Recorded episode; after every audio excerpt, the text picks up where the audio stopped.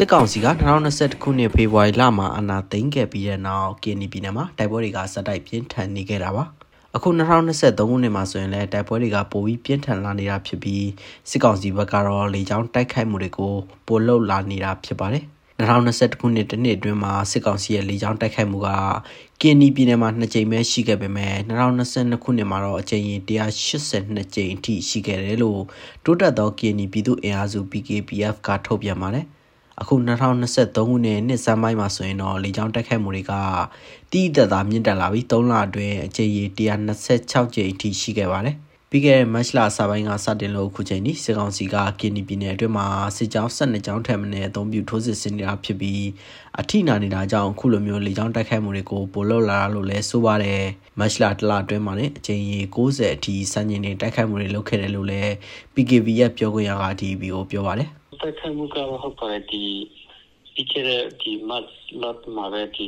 ကိုဆန်ချင်တဲ့ပြမှာကဒီတမိုင်းမှာအလောကြီးဆူဆူကဒီကြောင့်တိုက်ခိုက်ခံရတဲ့တမိုင်းမရှိခဲ့ဘူးနော်ဆိုတော့ကျွန်တော်မတန်စီရဆိုရင်ဒီပြီးခဲ့မတ်လမှာပဲဒီဒီကြောင့်တိုက်ခိုက်မှု90ကျော်နော်တရားနီးပါးလောက်ရှိသွားခဲ့တဲ့အညီသားတွေဖြစ်သွားခဲ့တော့ဆိုတော့အဓိကကတော့စီကောင်စီကဒီအဲစီနီပြည်မှာအဓိကကြဆုံးများတာဒီနောက်တော့သူဟိုဆုံးနေနေဒီ အဲတော်တော်များဆုံးရှုံးလိုက်ရလို့ဒီဒီကြောင့်ကိုအတိကအားပြုပြီးတော့ဒီ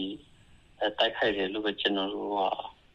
အာမြင်မိပါတယ်ဒါအပြင်ဒေသခံပြည်သူတွေနဲ့စစ်ပေးရှောင်တည်ဆုံမှုကလည်းတဖြည်းဖြည်းမြင့်တက်လာနေပြီးစုစုပေါင်း448ဦးထပ်မံအထိရှိလာပြီဖြစ်ပါတယ် အများစုကတော့စစ်ကောင်စီကဖမ်းဆီးတပ်ဖြတ်ခံရလို့ဒေဆုံးတာဖြစ်ပြီးစစ်ကောင်စီရဲ့လက်နက်ကြီးတန်းလေကြောင်းတိုက်ခိုက်မှုနဲ့စစ်ရှောင်းရင်စေကူတာခွင့်မရလို့ဒေဆုံးတာတွေလည်းပါဝင်တယ်လို့ PKVF တာဝန်ရှိသူကပြောပါတယ်။တစုံလုံးကိုခြုံကြည့်ပြီးပြောမယ်ဆိုစစ်ရှောင်းတွေကတော့အဓိကကတော့ဒီစစ်ကောင်စီဖမ်းဆီးတပ်ဖြတ်ရရင်နောက်ပြီးတော့တာဖမချန်တော့ခုကစစ်ကောင်စီအဲဒီကြောင်းနေတိုက်ခိုက်လာတာကြောင့်လေလက်နေတွေ စစ်ဆောင်စခန်းမှာထိမှန်စစ်ဆောင်တွေဆောင်လာပေါ့နော်ဒါတို့ချက်တက်တက်ချပါလဲဆိုရင်စစ်ဆောင်စခန်းမှာစီဝါရီမလာလို့ဒီအာမတိတဲ့စစ်ဆောင်သွားရတဲ့ဒီ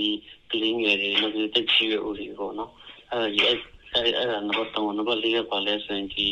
စစ်ဆောင်လာကြာလာတော့စစ်ဆောင်တွေဒီစစ်တွေကြာပြီးဒီဟိုစစ်ဒီကိုအဆုံးစီပိုင်းဟိုင်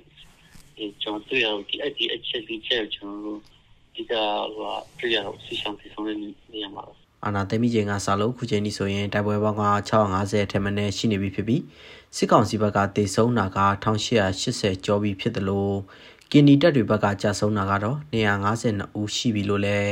PKPF ကထုတ်ပြန်တဲ့စီးရင်မှာဖော်ပြပါတယ်တိုက်ပွဲတွေပြင်းထန်လာတာနဲ့အတူစစ်ဆောင်တွေအတွက်ကတော့ဘုံခိုစရာနေရာပိုပြီးနှဲပါလာပြီးအကူအညီတွေလည်းလိုအပ်နေပါတယ် ကျွန်တော်ထအောင်ပါ